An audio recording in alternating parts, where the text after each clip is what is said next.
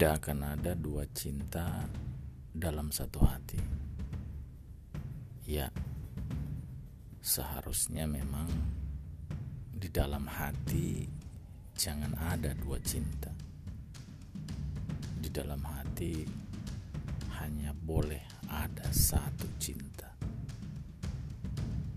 Tetapi kepada siapa cinta itu kita berikan kepada siapa cinta sejati itu seharusnya kita berikan